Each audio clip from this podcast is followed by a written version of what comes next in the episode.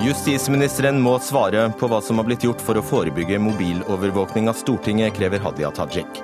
Hun kommer, det gjør også Aftenposten-journalisten som avslørte det hele. Pelsdyrnæringen bør fortsette, sier et flertall i Pelsdyrutvalget. Senterpartiet applauderer, men Venstre kommer ikke til å følge anbefalingen. Shinzo Abe tilhører en sjelden art. Bare én mann har greid det han greide i går, nemlig beholde makta som Japans statsminister i mer enn tre år.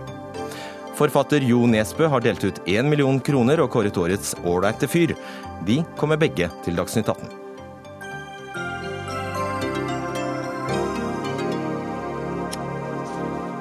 Ja, velkommen til Dagsnytt 18. Jeg heter Fredrik Solvang. Og før sendingen er eh, omme, skal vi også høre at Norge er verdensmester i miljøhykleri. Og klimaavtalen fra Lima er en avtale om nesten ingenting. Det mener Miljøpartiet De Grønne. Men vi starter i Sydney i Australia, der eh, to personer skal være drept og flere skadet da eh, politiet nå i ettermiddag stormet eh, kafeen der en mann hadde holdt et ukjent antall gisler fanget i 16 timer. Og en av de drepte skal være gisseltakeren selv. De andre gislene er nå satt fri, og australsk politi melder at politiaksjonen er over. Asia-korrespondent Peter Svaar, hva er det siste du har fått opplysninger om dette? Ja, Denne aksjonen er jo altså over etter over 16 eh, timer. Det siste kapitlet her begynte ca. klokken 16 norsk tid i ettermiddag. Da rømte sju gisler ut av denne kafeen eh, i forbindelse med at gjerningsmannen ønsket å flytte dem. Og Det skapte en ny dynamikk og en ny situasjon. og opply De opplysningene som nå kommer, er at uh, gjerningsmannen da drepte et gissel. Og det var uh, denne handlingen, at han drepte et av gislene, som førte til at politiet valgte å på det tidspunktet storme denne kafeen for å frigi de gjenværende gislene. Det er nå to drepte. Den ene av dem er gjerningsmannen. Den andre er det gisselet gjerningsmannen drepte. Og det er flere skadde, minst tre alvorlig skadet. Og vi har sett på fjernsyn her hvordan eh, sju eh, av de som var inne i denne kafeen, er fraktet ut på bårer eh, med ambulanser. Så denne aksjonen har jo vært meget eh, voldsom. Det var mye skyting, en kraftig skuddveksling og også høye smell, sannsynligvis spesialstyrkene spesialstyrkenes Norges sjokkgranater som ble tatt i bruk. Så dette er en aksjon som ikke endte slik eh, politiet nok planla, hvor eh, det å gå inn på denne måten eh, så hardt og så brutalt er den siste utveien politiet har. Har politiet bekreftet hvorfor det gikk inn? Nei, de har ikke det. Og dette er jo fortsatt tidlig, og mange av disse, disse spørsmålene vil vi jo nå få svar på, og vil politiet være nødt til å svare på i løpet av de neste timene og dagene. Vi vet ikke helt nøyaktig hva som skjedde, men ifølge um, Channel 7 News, som fulgte dette dramaet fra sine kontorer rett over gaten for uh, kafeen, så, så var det altså gjerningsmannen som skjøt et av gislene rett før denne stormingen fant sted. De, man hørte da skudd inne fra eh, kafeen, og de har også fått dette bekreftet under hånden fra anonyme kilder. Og eh, Dette ledet altså til en veldig tilspisset situasjon, hvor vi så et stort antall eh, politifolk eh, som stormet inn i, i kafeen. Det var en veldig kraftig skuddveksling eh, der inne. Og det er altså nå mange av de gjenværende gislene som eh, er skadd. Det tyder nå på at det i alt var 21 gisler inne i denne kafeen da dramaet startet. Rundt fem av dem, eller det var fem av dem som greide å mm, rømme tidligere i dag, og det var sju ytterligere som greide å rømme da mm, rett eh, før denne aksjonen startet, hvor det da var om lag sju gisler igjen inne i kafeen. Hva vet vi om denne gisseltakeren? Ja, vi vet at han er 49 år. Han kom til Australia som flyktning fra Iran på midten av 90-tallet. Eh, han eh, har på et tidspunkt konvertert fra shia til sunni-islam. Eh, han har meget, et meget langt kriminelt rulleblad i Australia, der han senest møtte i retten i fredag i forrige uke, hvor han ble kjent med tiltale, en tiltale som omfatter over 40 tilfeller av seksuelle overgrep. Han er også tiltalt for medvirkning på drapet av sin ekskone. Og han er også kjent i Australia for å ha drevet en hatbrevkampanje mot familiene til soldater som har falt i Afghanistan, hvor han særlig i Eh, starten av uh, Afghanistan-krigen i 2002-2003 sendte brev til familiene til falne soldater, ofte på dagen for deres sønns begravelser. Så han er jo en skikkelse som man nå vil stille seg spørsmål om er dette en mann som har handlet på vegne av en terrororganisasjon? Har han handlet i, eh, på, på, ordre fra noen andre, eller er dette en ensom uh, ulv? Er en mann som ikke engang har med seg flagget til IS inn i kafeen, en mann som eh, opptrer på vegne av den organisasjonen, eller er han en som opptrer på egen hånd? Det er jo blant de spørsmålene som man nå vil søke svar på i dagene som kommer. Jeg skal forsøke å stille dem også i dette studio. Takk skal du ha, Peter Svår. Anders Romarheim, du er eh, forsker ved Institutt for forsvarsstudier og har eh, bl.a. forsket på gisseltakinger. Hva tror du, er dette en galmannsverk? verk? Det er eh, for tidlig å slå fast. Som eh, NRKs korrespondent også var inne på, er det veldig tidlig. Og hendelsesforløpet, som vi ser det nå, er et øyeblikksbilde.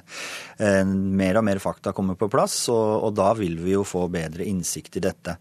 Hvis vi ser parallellen til det terrorangrepet vi sjøl opplevde i 22.07, så vil jo mange huske at dette hvorvidt det var et politisk motivasjon eller et utslag av psykopatologi, altså et, en gal manns verk, det er jo et eh, spørsmål som vi over tre år etterpå fortsatt eh, diskuterer. Eh, han ba altså om å få snakke med statsministeren på TV, og han ba om et IS-flagg. Virker det på deg som om denne gisseltakingen var godt planlagt? Den fremstår ikke som spesielt godt planlagt, men de, de faktumene der som du peker på, er er med på å trekke inn mot et oppmerksomhetssøken. Og spørsmålet blir jo da om man søker oppmerksomhet for sin egen eh, forferdelige situasjon, dypest sett, eller om det er et eh, virkelig politisk motiv her. Men det er ikke en ukjent sak at eh, høyst ustabile, rabiate einstøinger prøver å klistre en form for politisk ideologi på den volden de utøver. Og denne saken ligger nå i en grenseleie der vi må vurdere det litt fram og tilbake. Men det at han har han har valgt å trekke ISIL inn ved å forsøke å sette den voldelige aksjonen han har gjennomført, inn i det, den kontekstuelle rammen som de opererer med, og, og gjennomfører et angrep som er eh, til dels i tråd med det de ønsker. Men da må jeg bare spørre, siden han altså hadde et flagg der det angivelig da skulle sto den eh, islamske trosbekjennelsen, men så var det ikke skrifttypen som IS bruker. Hvis han da ikke har en, eller hadde en islamistisk dagsorden, da hvor idiotisk er det da å påberope seg det? Det er, eh, det er, tidlig å konkludere her, og, det, det, fremstår, eh, det, fremstår, noe bisart rundt en del av dette her. Eh, men da kommer også en annen problematikk inn, og det er hva definerer vi som et ISIL-angrep eller ikke?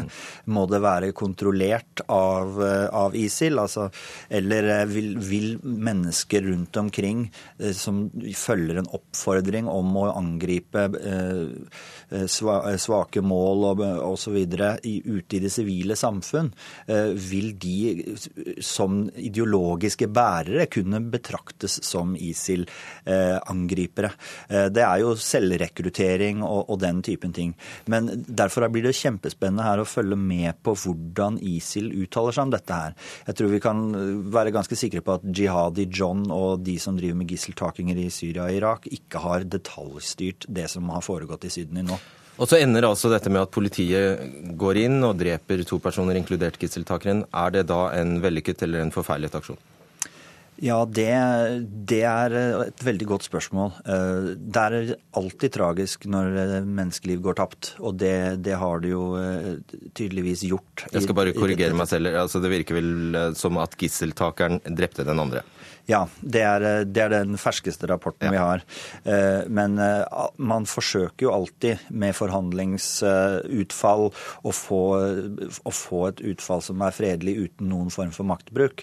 Eh, men nøyaktig hva som trigget dette, har vi jo nå en, en, en, rapport på, men jeg tror vi skal ta hele hendelsesforløpet litt med en klype salt til australske styresmakter går ut med offisiell godkjente og behovsprøvd informasjon. Og helt til slutt, det at han nå er død, minsker det sjansene for å oppklare dette? Det er ikke så godt å si. Eh, han, eh, saken er over, og vi får jo håpe han eh, opererte alene, for så vidt.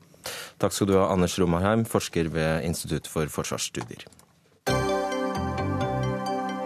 Dagsnytt 18 alle hverdager kl 18.00 på NRK P2 og NRK2.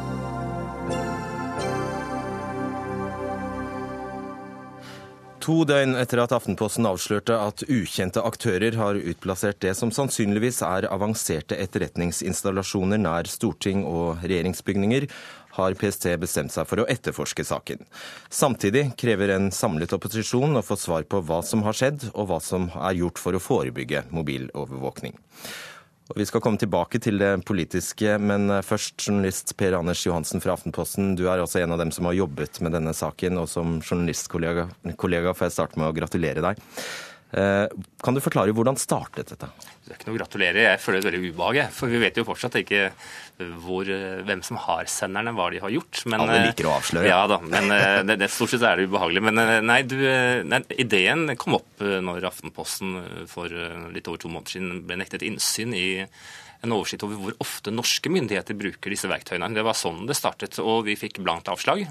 Politiet og myndighetene ville ikke si hvor ofte Eh, IMSI-catcher var i bruk. Og da startet eh, vi en eh, kartlegging hvor jeg og min kollega Andreas Bakke Foss vi begynte å prøve å finne ut av metoder for hvordan dette her kunne gjøres. Og Vi begynte jo egentlig med en tysk mobil, en helt ny mobil som nettopp har kommet på markedet i USA, som plukker opp mistenkelige avvik, altså ting som kan tyde på at det kanskje er en IMSI-catcher.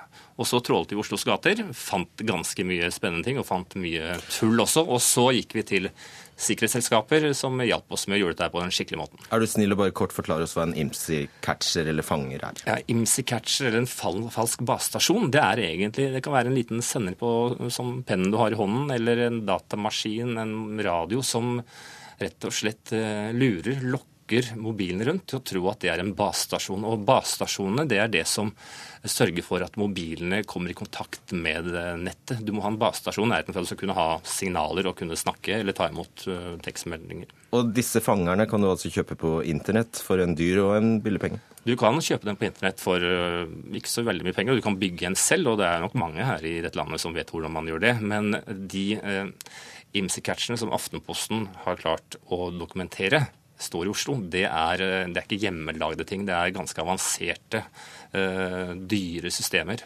Mm. Og det vet vi fordi at de sender signaler som er veldig spesielle, som kommer med jevne mellomrom, og så forsvinner de. Og så kommer de tilbake. De står og leter etter noen. Uh, hvem det er, om det er en kjent politiker eller en finansmann eller en byråkrat, det vet ikke. Men de opererer ikke på en slik måte som hjemmelagde IMSI-catchere Så det er et tegn i seg selv på at noe er muffens? Det er et tegn på at noe er uh, veldig alvorlig. Er dette målinger som, eh, som myndighetene kunne gjort? PST eller Nasjonal sikkerhetsmyndighet? Eh, det kunne gjøre. De har også den type utstyr. Men eh, jeg tror nok at en debatt i, i kjølvannet av Aftenpostens sak er jo hvor mye ressurser og kunnskaper har de egentlig på dette området her. For jeg, jeg skjønner jo at de syns det er litt flaut at, at, vi skulle gjøre det. Aftenposten er en stor avis, og vi har brukt mye ressurser og vært mange medarbeidere som har jobbet med dette her. Men det er klart at uh, dette har vi myndigheter til å gjøre for oss. Så sier professor emeritus Svein Knappskog ved NTNU til NTB i dag at uh, han har jobbet med informasjonssikkerhet i 30 år.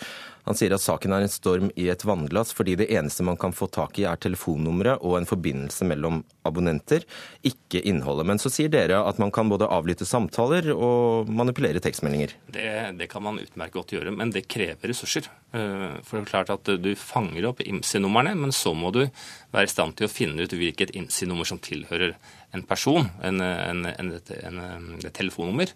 Og når du har det, så er det ikke noe problem med basestasjoner å sørge for at du f.eks. avlytter en samtale, at du plukker opp SMS, at du rett og slett eh, sender inn koder uh, som gjør at eh, mobilen kan opptre som en mikrofon. Og Hvis ikke professoren vet det, så bør han gå en runde til. Men det er komplisert, og han har rett i at dette er ikke noe hvem som helst kan gjøre, og det er ikke slik at alle IMSI-catchere gjør det, men det er utmerket godt mulig. Hva var de første reaksjonene dere fikk da dere kontaktet PC og Nasjonal sikkerhetsmyndighet om dette? Du, de, var, de, var, interessante. De, de, var interesserte og hørte på de resultatene vi hadde. Og NSM dro ut på gatene i, på, på, fredag og begynte å gjøre en kartlegging med, med en gang. Og fant det dere fant? Ja, det har de jo bekreftet. De fant de samme signalene fra MC-catcher som står, og sto iallfall på fredag. Vi er jo veldig spent på om de fortsatt er der ute. Jeg har nok en teori om at de kommer til å forsvinne, men de kan komme tilbake. Og da må jeg bare spørre om, for nå sier jo altså PST at de starter etterforskning, men disse koffertene de er vel for lengst forsvunnet? Det, det, er vel grunn til å tro, men det vet vi spørs hvor godt de følger med på norske medier, og om de snakker norsk i det hele tatt. Men uh, dette utstyret er jo i bruk i over store deler av verden. Og noe av det jeg syns er spennende å se i dag, er at nå er det jo journalister i mange andre land som uh, har tenkt å prøve de samme metodene som Aftenposten uh, for å gjøre det samme der. Hadia Tajik, du er leder for justiskomiteen på Stortinget for Arbeiderpartiet. I dag har altså en samlet opposisjon skrevet brev til justisministeren om denne saken. Hva er det dere vil ha svar på? Alle partiene på Stortinget har eh, bedt eh, justisministeren komme til Stortinget og gi en muntlig redegjørelse av eh, tre ting. Det ene er de faktiske forholdene. Det andre er hva man har gjort for å forebygge denne type overvåking. Og det tredje er hvordan man håndterer dette videre og kan eventuelt avverge at denne type ting skjer i, i stort omfang i framtiden. Så vil det jo selvfølgelig alltid være en fare for overvåking når det er bruk av moderne teknologi, men det er jo et mål at man skal kunne klare å redusere den mest mest mulig. Har du en formening om hva som bør gjøres her? Altså, for det første så trenger vi å få justisministerens redegjørelse eh, og få de faktaene på bordet før vi går videre. Men jeg ser jo allerede nå et visst behov for eh, at eh, justisministeren og regjeringen òg klargjør hvilke forventninger det er han har til de ulike sikkerhetstjenestene. Om hvem som f.eks. rutinemessig sjekker at samfunnsbærende infrastruktur ikke blir utsatt for denne type overvåking. Og Det har vært et hovedanliggende for deg, nemlig at ingen tar ansvar her. Men så ble det hvis jeg har forstått det rett, under dere, den rød-grønne regjeringen, lagt fram en samlet trusselvurdering, og så ble ikke det gjort i år. Stemmer det? Det er riktig at den eh, forrige regjeringen eh, ba tjenestene om at de måtte samordne seg bedre, og at en del av den samordningen var å legge fram en felles trusselvurdering. Og da er ikke bare den felles trusselvurderingen eh, målet. Målet er jo òg det å jobbe sammen, koordinere seg bedre, på den måten å klare å identifisere bedre overlappende kunnskap, men òg gråsoner der det er behov for å få avklaringer på hvem det er som skal forfølge dette nærmere. og Da kunne man òg meldt opp i linja til justisministeren eller forsvarsministeren hvis det hadde vært behov for politiske avklaringer. Det har ikke kommet en samordna trusselvurdering i år, men jeg tror og håper at eh, alle partier ser behovet for at det er god koordinering og samordning i framtida. La oss eh, spørre den utsendte for regjeringspartiene, Anders Werp. Du er første nestleder i justiskomiteen for Høyre. Hvor, eh, hvorfor ikke? Hvorfor er ikke denne trusselvurderingen på plass i år? Altså, jeg tror ikke vi skal gjøre det til en hovedsak i denne temaet vi diskuterer. Alle er opptatt av at vi skal få en eh, Tajik er veldig opptatt av det. Ja, Vi skal få et godt beslutningsgrunnlag, og vi skal møte utfordringen som ny teknologi eh, stiller oss overfor. Det er det denne saken gjelder først og fremst, og ikke formen eh, på de ulike rapportene. Det som ligger i, i saken, og som skjer nå i kjølvannet av Aftenpostens funn, det er jo at det framstår som et mønster i denne saken, som er målrettet for å eh, overvåke landets politiske myndigheter. Eh, og det er et meget alvorlig tema som vi skal vite eh, alt om. Vi må komme til bunns i denne saken. Og Regjeringen og justisministeren eh, kommer tilbake med informasjon på egnet måte til, til, Stortinget på det. Det blir en viktig del av oppfølgingen, og det kommer eh, selvfølgelig alle partiene på Stortinget til å, å følge opp. Høres det greit ut, Tajik? Vi er enige om veldig mange ting, og det er jo bra og viktig i en sak som denne, som eh, berører oss alle sammen. Men vi skiller nok lag på enkelte punkter. Og når Anders Werp sier at justisministeren bør komme på egnet måte, så ligger det jo det at eh, Høyre og Fremskrittspartiet har valgt å ikke be om at eh, justisministeren redegjør for åpent storting. Eh, og det respekterer jeg, for det kan jo alltids være eh, enkelte elementer i, eh, i, dette faktagrunnlaget som er så sensitivt at man må ta det i lukka fora. Men jeg mener at det må være et mål at man redegjør for så mye av det som det går an å redegjøre for. Ja, og Der skal jeg bare flette inn at justisministeren takket nei til å komme hit i dag pga. den pågående etterforskningen til PST. Saken er jo under etterforsking, og PST legger store ressurser i saken. Det framkommer også i løpet av dagen. Og Det kan jo til og med hende at Aftenposten har enda mer å bidra med ut fra sine funn. Så vi har ikke det totale overblikket. Og Det som er viktig for regjeringen og for Høyre og regjeringspartiene, det er at Stortinget får den best mulige informasjonen. Og jeg er i liten tvil om at det ligger mye gradert informasjon i dette feltet. Og da allerede nå bestemme seg for hvilke form vi skal bli informert i, det tror jeg er å foregripe begivenheten. Johansen, har du noen formening om hvilken form dette bør ha? Ja, det jeg tenker man lett glemmer, er jo at det er jo ikke så vanskelig å finne en IMS-catcher. Eh, de har vært her lenge. og det er grunn til å stille spørsmål om vi har eh, sovet litt i denne delen av teknologien. Og det kommer nye trusler. Det er andre ting som vil dukke opp og erstatte disse overvåkingssystemene. Og da trenger man å være eh, på tå hev. Og så har vi fått med oss at Nasjonal sikkerhetsmyndighet sier at de bare sjekker om det finnes eh, sånne falske basestasjoner i nærheten dersom de får en konkret beskjed om at det skal foregå et veldig hemmelig møte et sted. Syns du det holder? Nei, Det er jo mange man kan stille kritiske spørsmål til etter eh, Aftenpostens avsløringer. Eh, vi har f.eks. Eh, ikke fått lov til å møte Telenor, som jo har over tre millioner kunder, og som har et ansvar for å forhindre at de blir overvåket. Verp, hvor kriminelt er dette egentlig, hvis det stemmer? da? Og Hvis dette er fremmede makter for eksempel, som står bak denne overvåkningen, så er det jo for det første er det spionasje. Eh, og, og, sånn sett meget alvorlig. og Det er viktig å følge med på dette, slik at vi kan forebygge den type overvåking eh, som går på rikets eh, sikkerhet løs. Så dette må vi følge med på. Og, og et tema som er helt naturlig å ta opp i dette, det er å se på grensesnittene mellom de ulike operative avdelingene hos myndighetene. PST, NSM, Post- og teletilsynet, og vi har også de private aktørene, som jeg mener eh, både har et ansvar, men, men også som bør ha et eget ansvar, eget interesse, i å følge opp dette for å dempe eh, risikofaktorene ved mobilt samband. Tajik, til slutt, du har jo selv vært statsråd. Hadde du da noe annet enn en vanlig smarttelefon? Nei, jeg forholdt meg til en vanlig smarttelefon. Eh, men der var det gode rutiner på at man selvfølgelig ikke formidler sensitiv informasjon på mobil. Eh, og der var det gode rutiner på at eh, de eh, vanskelige møtene, eller der det er sensitiv informasjon som blir diskutert, at mobilen da blir forlatt utenfor lokalet. Og så skal vi bare legge til at PST ikke ville komme hit nettopp pga. etterforskningen. Har du mer på laget, Johansen? Nei, Dette er jo et stort materiale, og jeg er helt sikker på at det kommer til å bli skrevet og lest mye om dette i lang tid fremover. Det tror jeg du har rett i. Takk skal dere ha, leder i justiskomiteen Hadia Tajik fra Arbeiderpartiet, nestleder i samme komité Anders Sverp fra Høyre og Per Anders Johansen, journalist i Aftenposten.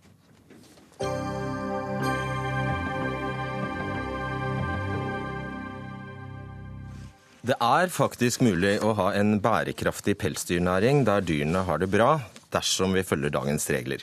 Ja, Det tror et flertall i Pelsdyrutvalget, som i dag la fram sin rapport. Og flertallet vil at den omstridte pelsdyrnæringen skal fortsette. Anne Karin Hamre, du har ledet dette utvalget, og du er altså en av fem som stemte for å bevare pelsdyrnæringen. Hva taler for det? Utvalget har jo samla pekt på at det er en del velferdsutfordringer i dagens pelsdyrhold. Men flertallet mener at eh, det er etablert et strengt regelverk for pelsdyrholdet i dag. Og hvis en etterlever dette regelverket og samtidig gjennomfører de tiltakene som utvalget har pekt på knyttet til bærekraftig utvikling innen rimelig tid, så vil et pelsdyrhold være akseptabelt i framtiden. Og du kan jo ikke ha unngått å se at eh, det har eh, gått en film på TV i det siste. Mm. Eh, og du syns at de eksemplene vi får se der, borger for det du sier nå? Nei, den filmen viser mange eh, tilfeller av dårlig håndtering av dyr. Men det er umulig å si Så sånn kan det ikke foregå? Nei, Nei. da kan det ikke. Og så nevner du ordet bærekraft. Det var faktisk det som var eh, mandatet deres. Altså at, eh, å se på om det var mulig å ha en bærekraftig næring. Men som vi vet, hvis vi husker tilbake, så var det Gro Harlem Brundtland som lanserte dette begrepet i 1987. Og da ble bærekraftig utvikling det ble definert som en utvikling som tilfredsstiller dagens behov uten å ødelegge framtidige generasjoners, generasjoners muligheter til å tilfredsstille sine behov.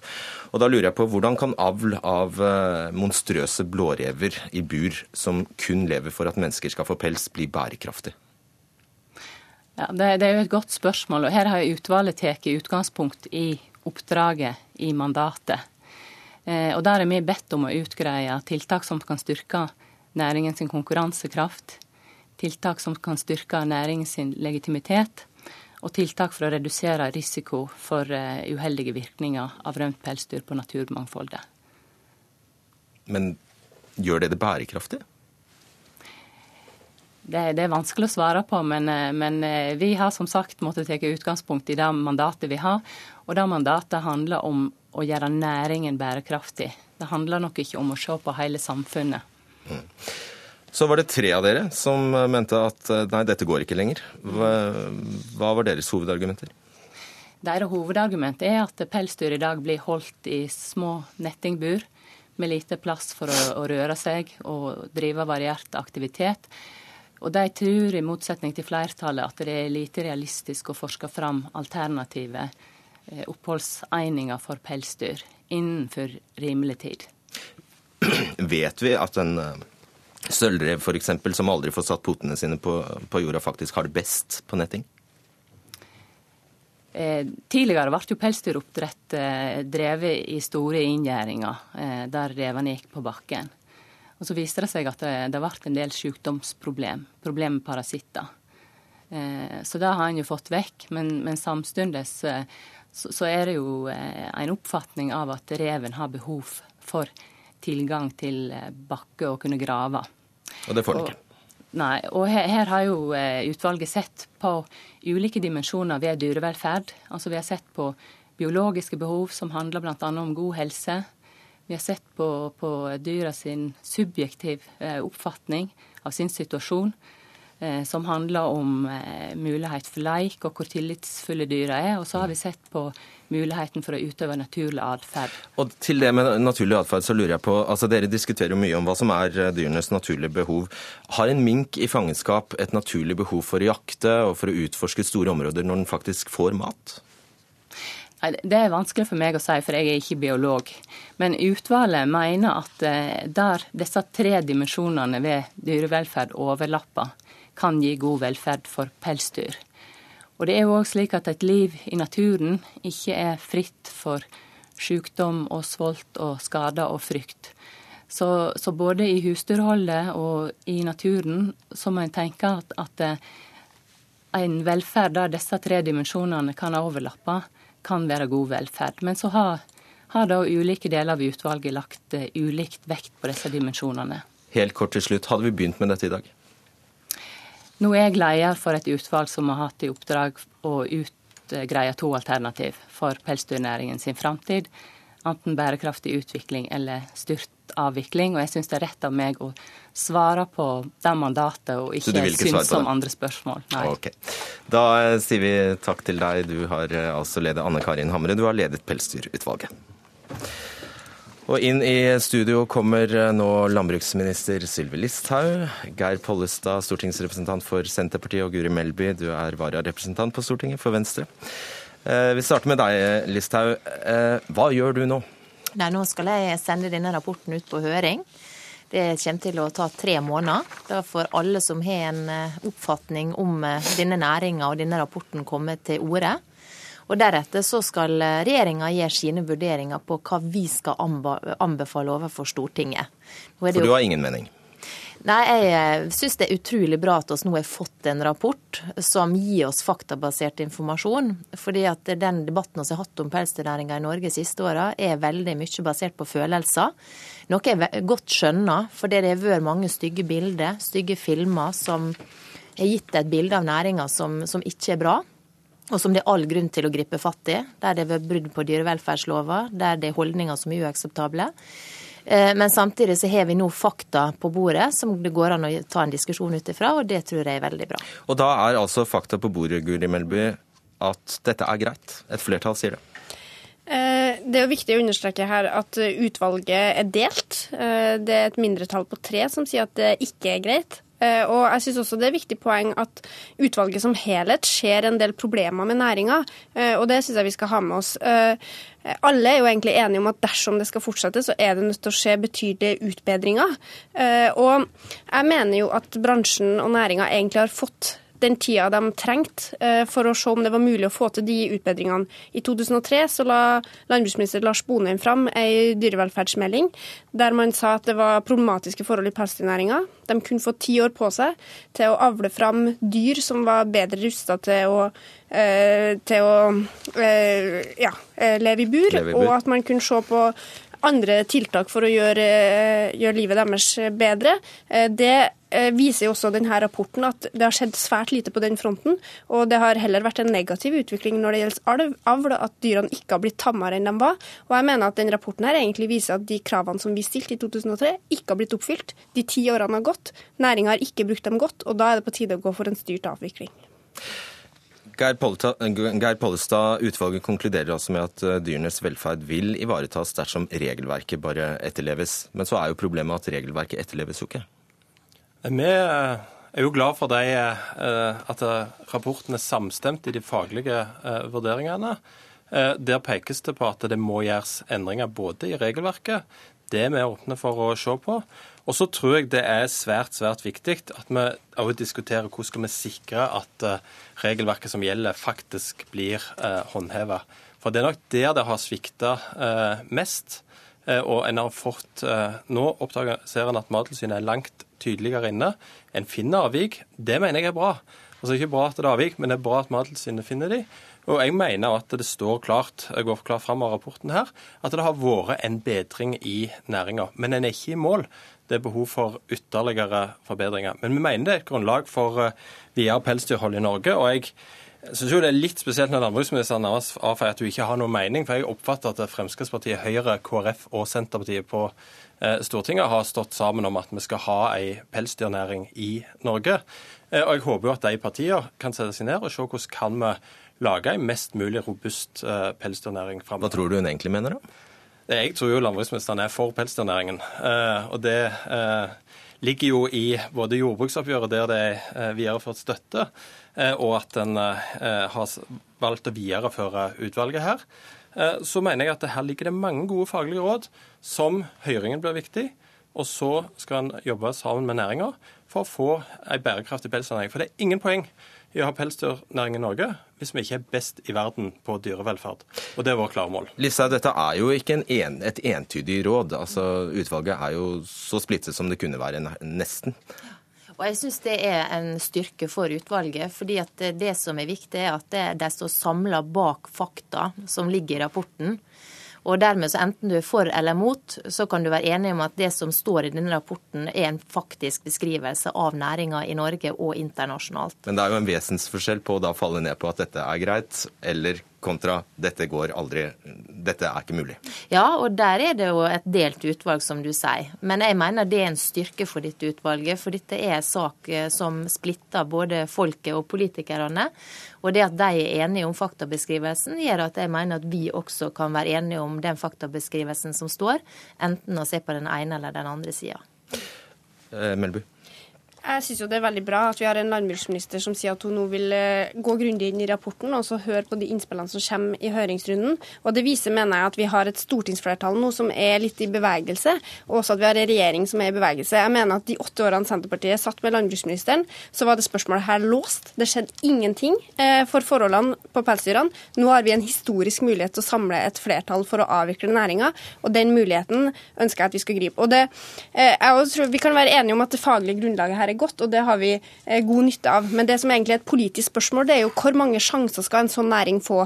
De fikk ti år. Jeg mener at de ikke har gjort ja, jobben sin de ti årene. Jeg skal bare spørre deg om dette med flertallet. for mm. I dag har altså flere stortingsrepresentanter for Høyre rykket ut og sagt at nok er nok. Kan du danne flertall med dem? Ja, absolutt. Eh, Venstre kommer til å stemme for eh, hvilke som helst forslag som går inn for å avvikle pelsdyrnæringa. Men det som jeg også er veldig glad for, er at vi i Men hvordan ser dette flertallet ut? Ja, I budsjettforliket med, mellom eh, KrF, Venstre og regjeringa så fikk vi også inn en formulering om at regjeringa skal vurdere en avvikling av pelsdyrnæringa. Det er første gangen at et stortingsflertall faktisk har vedtatt noe sånt. og Det er historisk, og det fikk vi til med regjeringa. Og jeg tror nok at hvis du tar en opptelling nå blant dagens stortingsrepresentanter representanter, så er det helt klart et flertall for å avvikle næringa.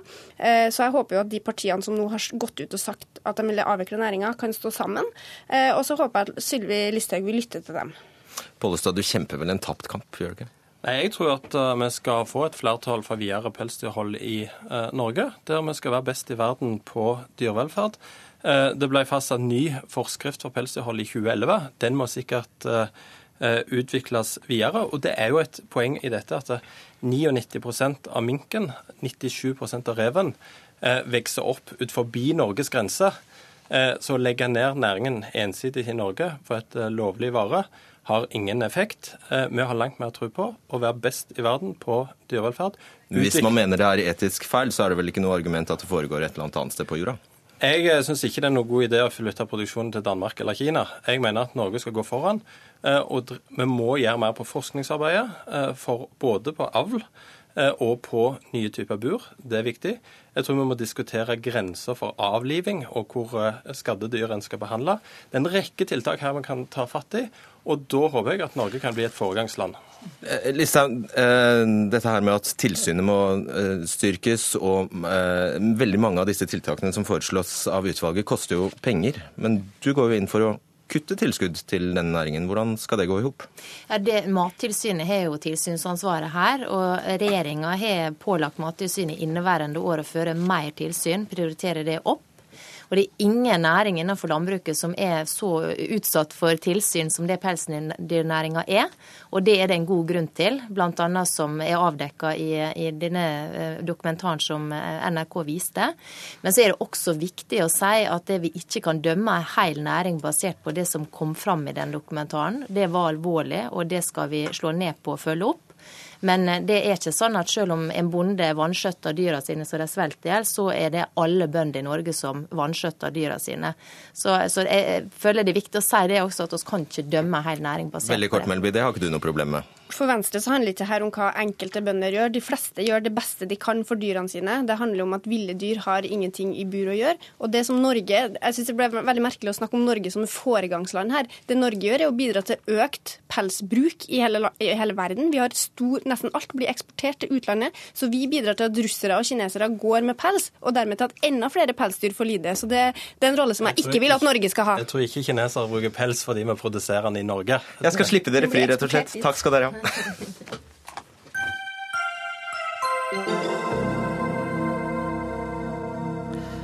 Økonomien er i tilbakegang. Inntektene har falt i 13 måneder på rad. Statsgjelda er astronomisk, og befolkningen krymper. Nei, vi snakker ikke om Russland, men om verdens tredje største økonomi, Japan. Og Der vant statsminister Shinzo Abe en så overbevisende seier at han nå har to tredels flertall i Underhuset i nasjonalforsamlingen, såkalt supermajoritet. Men så var valgdeltakelsen elendig, bare litt over 50% Olav Skjenn, du er senior porteføljeforvalter i Storebrand eh, kapitalforvaltning. Hvorfor fikk Shinzo Abe altså, og hans liberaldemokratiske parti så sterk oppslutning? En viktig grunn er jo at folket fortsatt tror på det økonomiske reformprogrammet, eh, som selvfølgelig har skapt både vinnere og tapere. Men eh, mange eh, vinnere og de som fortsatt tror på programmet, stemmer fortsatt på det vi kaller Abenomics. Der har de jo klart å svekke valutaen kraftig, som har kommet eksportbedriftene til gode. Og de har klart å bli kvitt deflasjon eh, også. slik at det har helt klart vært gode resultater for å revitalisere økonomien også. Og nettopp denne sterke yenen eh, har altså vært akilleshælen til Japan, og som har gjort at Japan har vært, vært i eh, dårlige tider, at det har vært dårlige tider i Japan i 20 år. Deflasjonen, mener du. Sterke yenen har ført til at man har slitt med økonomien. Men nå har jo de trykt penger over en lav sko, slik at de har svekket yenen kraftig. Og Det betyr at eksportbedriftene som konkurrerer med Sør-Korea og Taiwan, har gjort det mye bedre. Istedenfor å kjøpe en Samsung, så kjøper de en Sony nå. Og det har bidratt til at eksportindustrien har eh, løftet seg. Og så har man da hatt et håp om at dette skulle smitte over på lønninger. Har de det? Det har det foreløpig ikke. Så de, eh, Vinnerne er eksportbedriftene, taperne er husholdningene. For der har jo eh, prisstigningen ført til at kjøpekraften har svekket seg. fordi lønningene har ikke steget like mye. Men håpet er jo at når bedriftene klarer seg bra, så kanskje de også betaler mer til lønnstagere også. Men det har vi foreløpig ikke sett noe tegn til. Hva er Abonomics? Abonomics er, eh, for å forklare det veldig kort og populært, eh, består av tre piler. Eh, første pilen er valuta og gjensvekkelse, som det er klart via pengetrykkingen. Andre pilen er investeringer, som de også har gjort en masse. Tredje pilen, Statlig investering. Statlig investering. Tredje pilen er det som er det smertefulle og det man forventer kanskje for mye av fremover. Da er det strukturelle, smertefulle reformer som foreløpig ikke har eh, bidratt til noe å løfte fremtidens vekstevne i Japan. Og da snakker vi avregulering, vi snakker eh, privatisering, bli kvitt landbrukssubsidier, vi snakker om å få kvinner ut i arbeid osv. Absolutt. Eh, Spesielt det med å få kvinner ut i arbeid er et kjempeviktig problem. fordi som de fleste kjenner til, så har Japan kanskje en av de mest utfordrende demografien eh, i verden. De har en eldrebølge, eh, hvor man populært kan også si at det er flere som bruker bleie av de eldre enn de yngre nå. Så der er virkelig den store utfordringen Japan må takle. Og befolkningen krymper. Ja. Så har vi med oss eh, Ren Jenny Lindgren, du er vitenskapelig assistent på eh, NUPI. Eh, Hva tror du er årsaken til den veldig lave valgdeltakelsen nå? Ja, denne valget var litt spesielt. Den heter en snap election på engelsk, eller hurtigvalget på, på norsk. Så det var litt uventet på en måte. Men eh, det var også en sjansen for AB til å gjennomføre den politikken som han begynte med da han kom inn som statsminister i 2012, eh, for fire mer år. Og her har vi sett den laveste deltakelse siden eh, andre verdenskrig. Um, men også det er særlig gjennom de ungene i Japan. Um, og, det er kanskje derfor det er litt eh, spesielt denne gangen. Og, og grunnen til det er kanskje at de føler seg at om de stemmer eller om de ikke stemmer, så skal det være uh, den liberalsk eh, demokratiske partiet som skal til slutt Som nesten har styrt Japan har styrt- sammenhengende ja, siden krigen. og skal fortsette med det fordi okkupasjonen er så svakt. Mm. Du studerte og arbeidet ved den amerikanske ambassaden i Japan fra 2008 til eh, 2011. Har folk resignert? Har japanerne resignert overfor politikken? Ja, eh, Da jeg jobbet, var det en veldig eh, spesiell periode siden okkupasjonen. Den demokratiske eh, partiet Japan var i makt, og da sa vi mye andre strategier mot politikken. For eksempel det var en strategi til å nærme seg litt mer Øst-Asia, særlig Kina, og ikke så veldig mye mer USA. Og, og da har du en politikk som er veldig veldig vanskelig å gjennomføres. Så til slutt i 2010, rett før tsunamien og, og Fukushima-krisa, òg, ble de japanere litt skuffa i dette her. Fordi de, de viste at det kommer til å være veldig veldig vanskelig til å gjennomføre så, så forskjellig politikk. Skjenn, den offentlige gjelda er astronomisk høy. Den er på 60 000 milliarder kroner. Hva er resepten for å få den ned? For dem foreløpig er det å trykke penger og instruere sentralbanken, fordi sentralbanken kjøper eh, statsobligasjoner og statsgjelden. Men alle vet jo at det på lang sikt ikke vil funke. Eh, Og det skjønte jo bl.a. ratingselskapet for noen uker tilbake, som nedgraderte den japanske eh, gjelden. Alle de, de to første pilene er mer sånn kortsiktig medisin for å få i gang økonomien. Og så er den store utfordringen å få opp vekstevnen på lang sikt. Og det er den tredje pilen som man prøver å eh, fokusere på. Men der har foreløpig eh, tilliten ikke vært så høy som kanskje de to kortsiktige virkemidlene har vært. En del av den tredje pila er vel, handler vel også om at eh, Japan nær sagt ikke har noen innvandrere. Hvorfor har ikke Japan det? Det spørsmålet kan gå til begge. Det er eh, det, kan du spørre deg. det er i hvert fall en stor utfordring i forhold til den eh, demografien som man har. Ikke sant? En av tiltakene for å øke kvinnenes andel også, er for å øke arbeidsstokken. Arbeid, arbeid er den største ressursen en økonomi har. Og når den krymper, så krymper per definisjon økonomien også. Så i tillegg til å øke kvinnens andel eh, på arbeidsmarkedet, så er det viktig også å øke arbeidsinnvandringen. Men der tror jeg det ligger mye, mye å sitte mye lenger inn å få til en reform enn eh, å få opp kvinnens eh, andel av arbeidsstokken. Ja, hvorfor gjør de det, Lindgren? Er de rasister? Ja, nei, nei, det er bare, ikke bare det. Men bare um, det. det, er, ja, det kan være en del. Men, men det som er veldig viktig her, er at Japan har en veldig spesielt arbeidsmarked, hvor man må, jobbe jo veldig, veldig mye.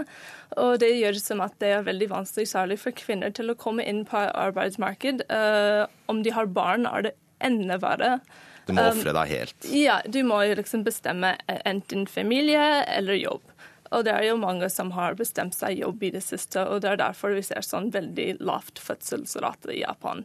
Um, så, så, ja, det er vanskelig ikke bare som innvandrere, men som kvinner. Men i Japan så vil de helst ha de kvinner, de japanske kvinner deltar før de kommer inn med innvandring. Nettopp. Mm. Takk for at dere kom til eh, Dagsnytt 18, Olav Skjenn, senior porteføljeforvalter i Storebrand, og Ren Jenny Lindgren, du er vitenskapelig assistent ved eh, NUPI. Takk skal dere ha. Hør Dagsnytt 18 når du vil. Radio NRK Radio.nrk.no.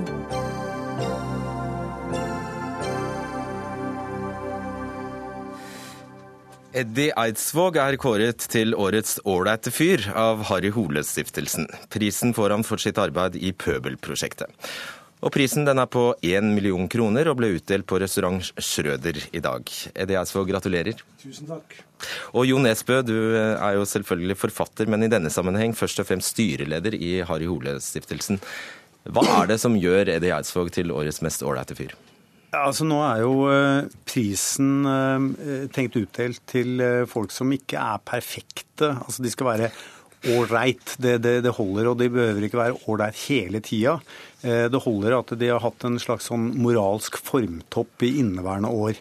Men nå er da Eddie en, en fyr som, sånn som jeg kjenner han, langt fra noe perfekt fyr.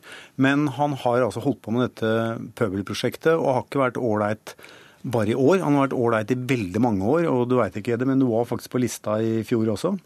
Eh, og så sjekka vi opp hva du har drevet med i år, og det var også veldig ålreit. Så da syns vi det var på tide at nå, nå, må Eddie få denne denne prisen. Eh, som er ikke noe penger. Eh, det er kun ære og et lite nøkternt eh, diplom. Og så får han et gratis karbonadesmørbrød på, på Skrøder, som du, som du, nevnte. Men så er det da i tillegg prispenger som Eddie får lov til å være med å dele ut, og som er til kamp mot analfabetisme i tredje verden. Altså, kan du ikke starte med å forklare hva Pøbelprosjektet er?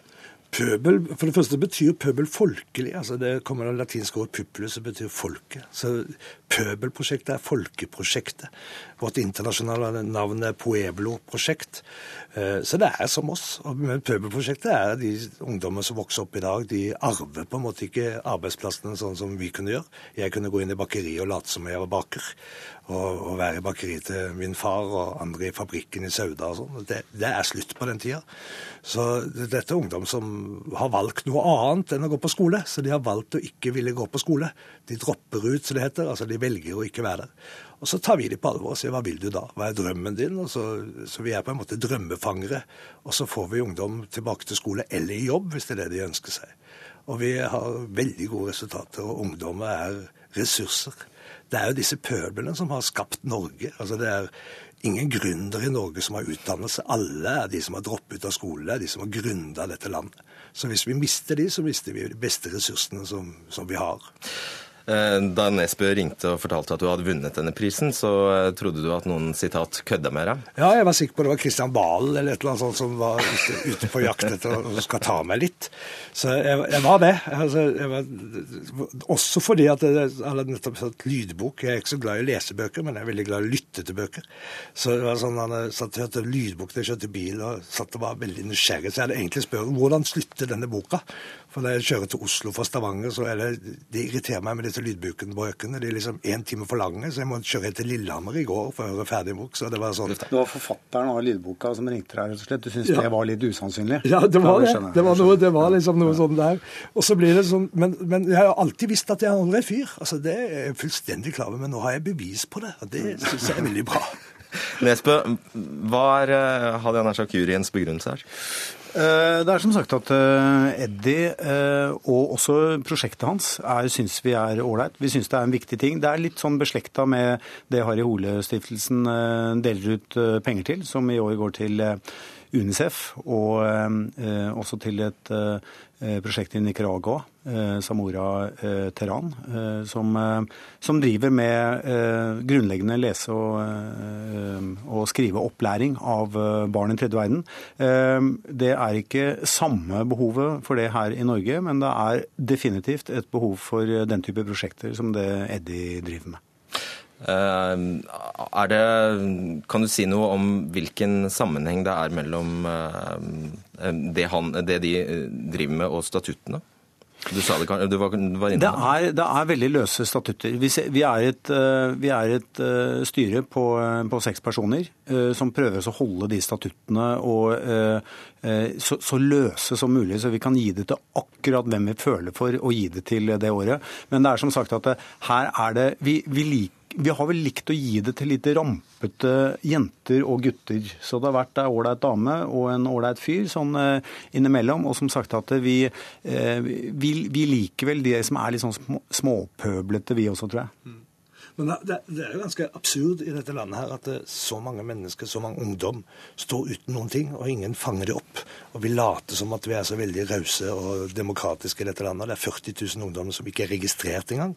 Som ikke verken Nav eller skolesystem har fanga opp. Og, da, da er det, og så er det enda mer absurd at det, det koster 45 000 for hver ungdom vi hjelper, og da gir vi det livstidsoppfølging, altså så lenge ungdommen selv vil og de får jobb og alt sammen. Og hver ungdom vi får i arbeid, så sparer dette samfunnet 11 millioner, eller 10,9 millioner. Oppsøker du dem, eller kommer de til deg? De kommer. Vi har over 1000 som står i kø for å komme inn til oss. Hver, hver måned når vi tar inn ungdommer i Oslo, så er det 100, mellom 100 og 150 ungdommer som står og vil inn, og det er bare 20 plasser om gangen. Og så har du også bedrifter som står klar til å eh, ta dem inn. Så bedrifter som tar inn. Og nå er vi også sånn at bedrifter nå kjøper plasser. 45 000. Du, der bør Harry Hole eie en plass. Tenk å ha en Harry Hole 45 000 i året, så har Harry Hole én plass. Men problemet, ditt, men, men problemet, ditt, det er vel egentlig at du har flere bedrifter enn du har, eh, en, som står klare enn du har pøbler. Så du har mangel på pøbler? Du skal kanskje Nei, vi har nok pøbler, men vi har mangel på finansiering for å få vi har mangel på finansiering for å få pøblene inn i prosjektet. De står og venter på finansiering. Jeg tror jeg må være litt pøblete og Jeg tror jeg må være litt pøblete og si at dere sier tusen takk til dere nå. Eh, gratulerer eh, med prisen som mest årets Norges mest ålreite fyr, Eddie Eidsvåg. Og takk til deg også, Jo Nesbø. Takk.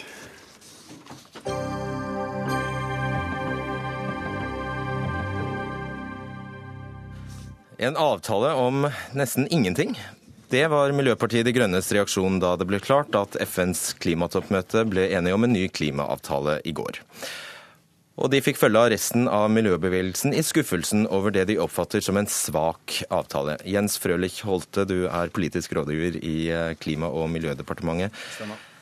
Å bli enige om en avtale var altså det viktigste vi klarte å få til, sa din statsråd til NRK i går. Eh, var denne avtalen, som altså har blitt så kraftig kritisert, det beste som var mulig å få til?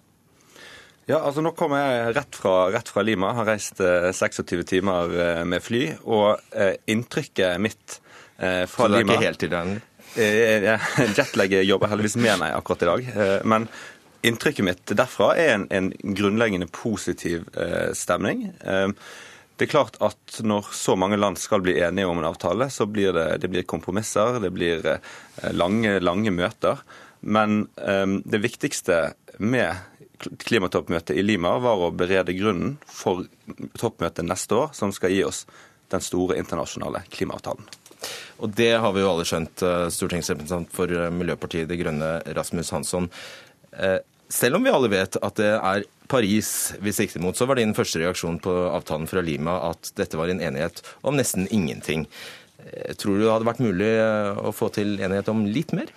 Det kunne vært mulig å få til enighet om mer hvis de rike landene, øh, og med oljenasjoner som Norge i spissen, hadde gjort så mye øh, at de fattige landene hadde syntes det var øh, mer vits i å delta i en internasjonal enighet. Hovedgrunnen til at man ikke får til noe i disse internasjonale forhandlingene, det er at det finnes en masse små land som aldri har bidratt med et gram til klimaendringene og som blir rammet steinhardt eh, av dem og vet at de går en veldig vanskelig framtid i møte. Eh, og så ser de at søkkrike lille Norge og en del andre land eh, fortsetter å øke klimagassutslippene sine, som Norge også gjør, samtidig som de tjener masse penger på å øke disse klimagassutslippene. Og så ber de de fattige landene om å delta i spleiselaget. Det er det ganske mange fattige land som ikke ser noe vits i. Norge kunne ha gjort en del. Er det det som gjør oss verdensledende i klimahykleri? Det gjør oss verdensledende i klimahykleri, for det er altså en realitet eh, at mens den såkalte klimaverstingen USA kutta klimagassutslippene sine med 8 eh, siden 1990, så har altså Norge økt sine med 5 eh, og tjent seg søkkrike på det, samtidig som vi reiser til Lima og mulige andre steder og er de som er aller størst i kjeften, for å si det uærbødig, om hvor viktig det er med en global klimaavtale. Men det virker som vi tror at eh, folk fra andre land er litt dummere enn de er. Eh, og viljen til å eh, samarbeide med Norge om et problem som Norge skaper og andre får, den er begrenset. Holte, er du en klimahykler? Nei, altså Det er dette som er forskjellen på MDG og kan si, Høyre. At, at, at MDG fokuserer veldig på 0,1% av utslippene, som Norge står for. Eh, vi prøver her å fokusere på 100% av utslippene, som er det denne avtalen skal inkludere. Eh, altså det, som, eh, det som jeg opplever når vi, når vi deltar i klimaforhandlingene som, som, Norge, er at vi, vi, respekteres for å ha en, en offensiv klimapolitikk. Det er jo et, et håndfast bevis på var jo at vi ble invitert med i sluttspurten av forhandlingene med å lede de i havn. Da var da Norge og Singapore eh, ledet de siste konsultasjonene sammen med FN og eh, det peruvianske vertskapet. Vi var også med på å lage utkastet til denne kompromissteksten som var på slutten. Og liksom, Listen er lenger. Norge ble takket eh, av mange land i offentligheten. USA, Kina, små og store land. Og vi bidrar også betydelig til klimafinansiering. En av de store nyhetene fra klima... Ja, jeg skal bare ta det, Hansson, alle elsker Norge. Alle elsker Norge fordi Norge har fryktelig flinke eh, klimaforhandlere og en stor delegasjon som er veldig hjelpsom og veldig nyttig og veldig effektiv på disse store uh, klimatoppmøtene. Men det betyr det vel at de fattige landene også går god for oss? For. Men, men det, det betyr vel at de fattige landene også går god for oss? Nei, nei, nå må du vente. Det vi ikke blir takket for Det vi ikke posisjon, Våre forhandlingsposisjoner er utformet slik at eh, de mindre utviklede landene også ser at vi eh, kan være en brobygger og spille på lag med dem. Vi, når vi bidrar med 1,6 milliarder kroner til eh, Det grønne fondet, så blir det lagt positivt merke til. Når vi bidrar med 3 milliarder i året til eh, regnskog og bevare skogen i, i utviklingsland, så legges det positivt merke til. Og eh, Vi har jo f.eks. også lansert en idé om å ha et globalt utslippsmål, netto null utslipp i 2050. Det er en radikal idé. som ja, også disse landene legger merke til. Det er veldig hyggelig for et land som selv øker sine utslipp å lansere netto null utslippsmål på vegne av andre land. Og Det er akkurat det som begynner å bli ganske anstrengende. Eh, at eh, den norske regjeringen altså påstår at Norge fører en effektiv og offensiv klimapolitikk, når det er et faktum som dere selv har dokumentert at vi ikke kutter utslippene våre. Eh, mens andre land altså gjør det. Landene rundt oss kutter utslipp i størrelsesorden 15-20-25% Norge kutter ikke noe. Eh, og det er ikke en offentlig offensiv klimapolitikk. Og du kan bare ikke reise rundt og si at det gjør ikke noe at vi slipper ut lite, og det gjør ikke noe at vi eh, øker våre utslipp, når andre land kutter dem. Og mange land ikke er skyld i det. Vi må føre en klimapolitikk som kutter hjemme. Nå kunne vi listet opp alle de fantastiske klimatiltakene til regjeringen. Det skal jeg ikke gjøre. Poenget er at gapet vårt eh, til 2020-målene er på vei ned med eh, millioner tonn CO2.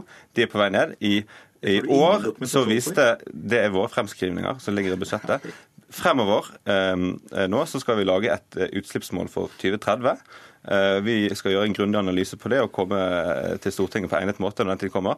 Vi setter oss slike mål fordi vi har lyst til å nå dem. Vi gjør ikke det for gøy.